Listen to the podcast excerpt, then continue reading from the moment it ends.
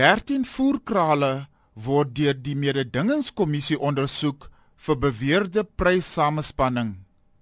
Die kommersiële vleisvoorsieners waarop die kommissie toegesak het, is onder meer in Gauteng, die Vrystaat en Noord-Kaap.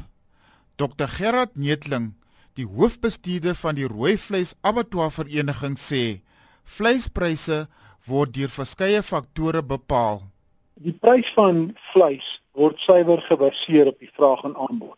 Daar's nou natuurlik verskeie insetkoste wat bepaal wat hierdie prys gaan wees. Dis die kostes van slagvee, voerkoste, produksiekoste en dis maar net om 'n paar te noem. Ons moet egter ook in gedagte hou dat beide lamsvleis en steenkalvers word in ekstensiewe areas geproduseer wat uitgelewer is aan natuurelemente soos byvoorbeeld droogtes. Dit gelei tot 'n inkrimping van ons nasionale kuddes, minder slagvee beskikbaar in die afgelope seisoene.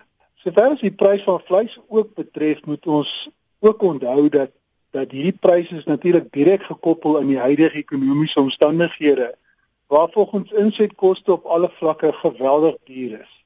Volgens Netling moes verskeie abattoirs al deure sluit weens ekonomiese druk. Hy sê egter die toekoms van rooi vleisverbruik is positief.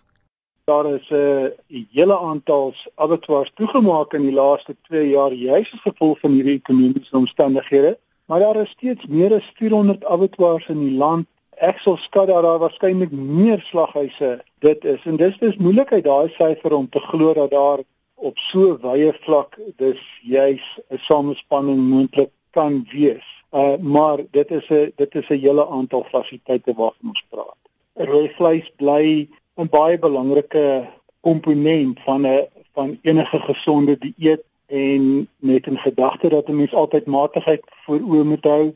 So ek dink dit sal nog altyd 'n belangrike deel wees van ons dieet. Dit sal 'n baie belangrike deel wees van dis van die produksiekomponente van die Suid-Afrikaanse mark. Dit was Dr Gerard Netling, die hoofbestuurder van die rooi vleis abattoir vereniging. Ek is Malikole Gwatyu vir SAK nuus.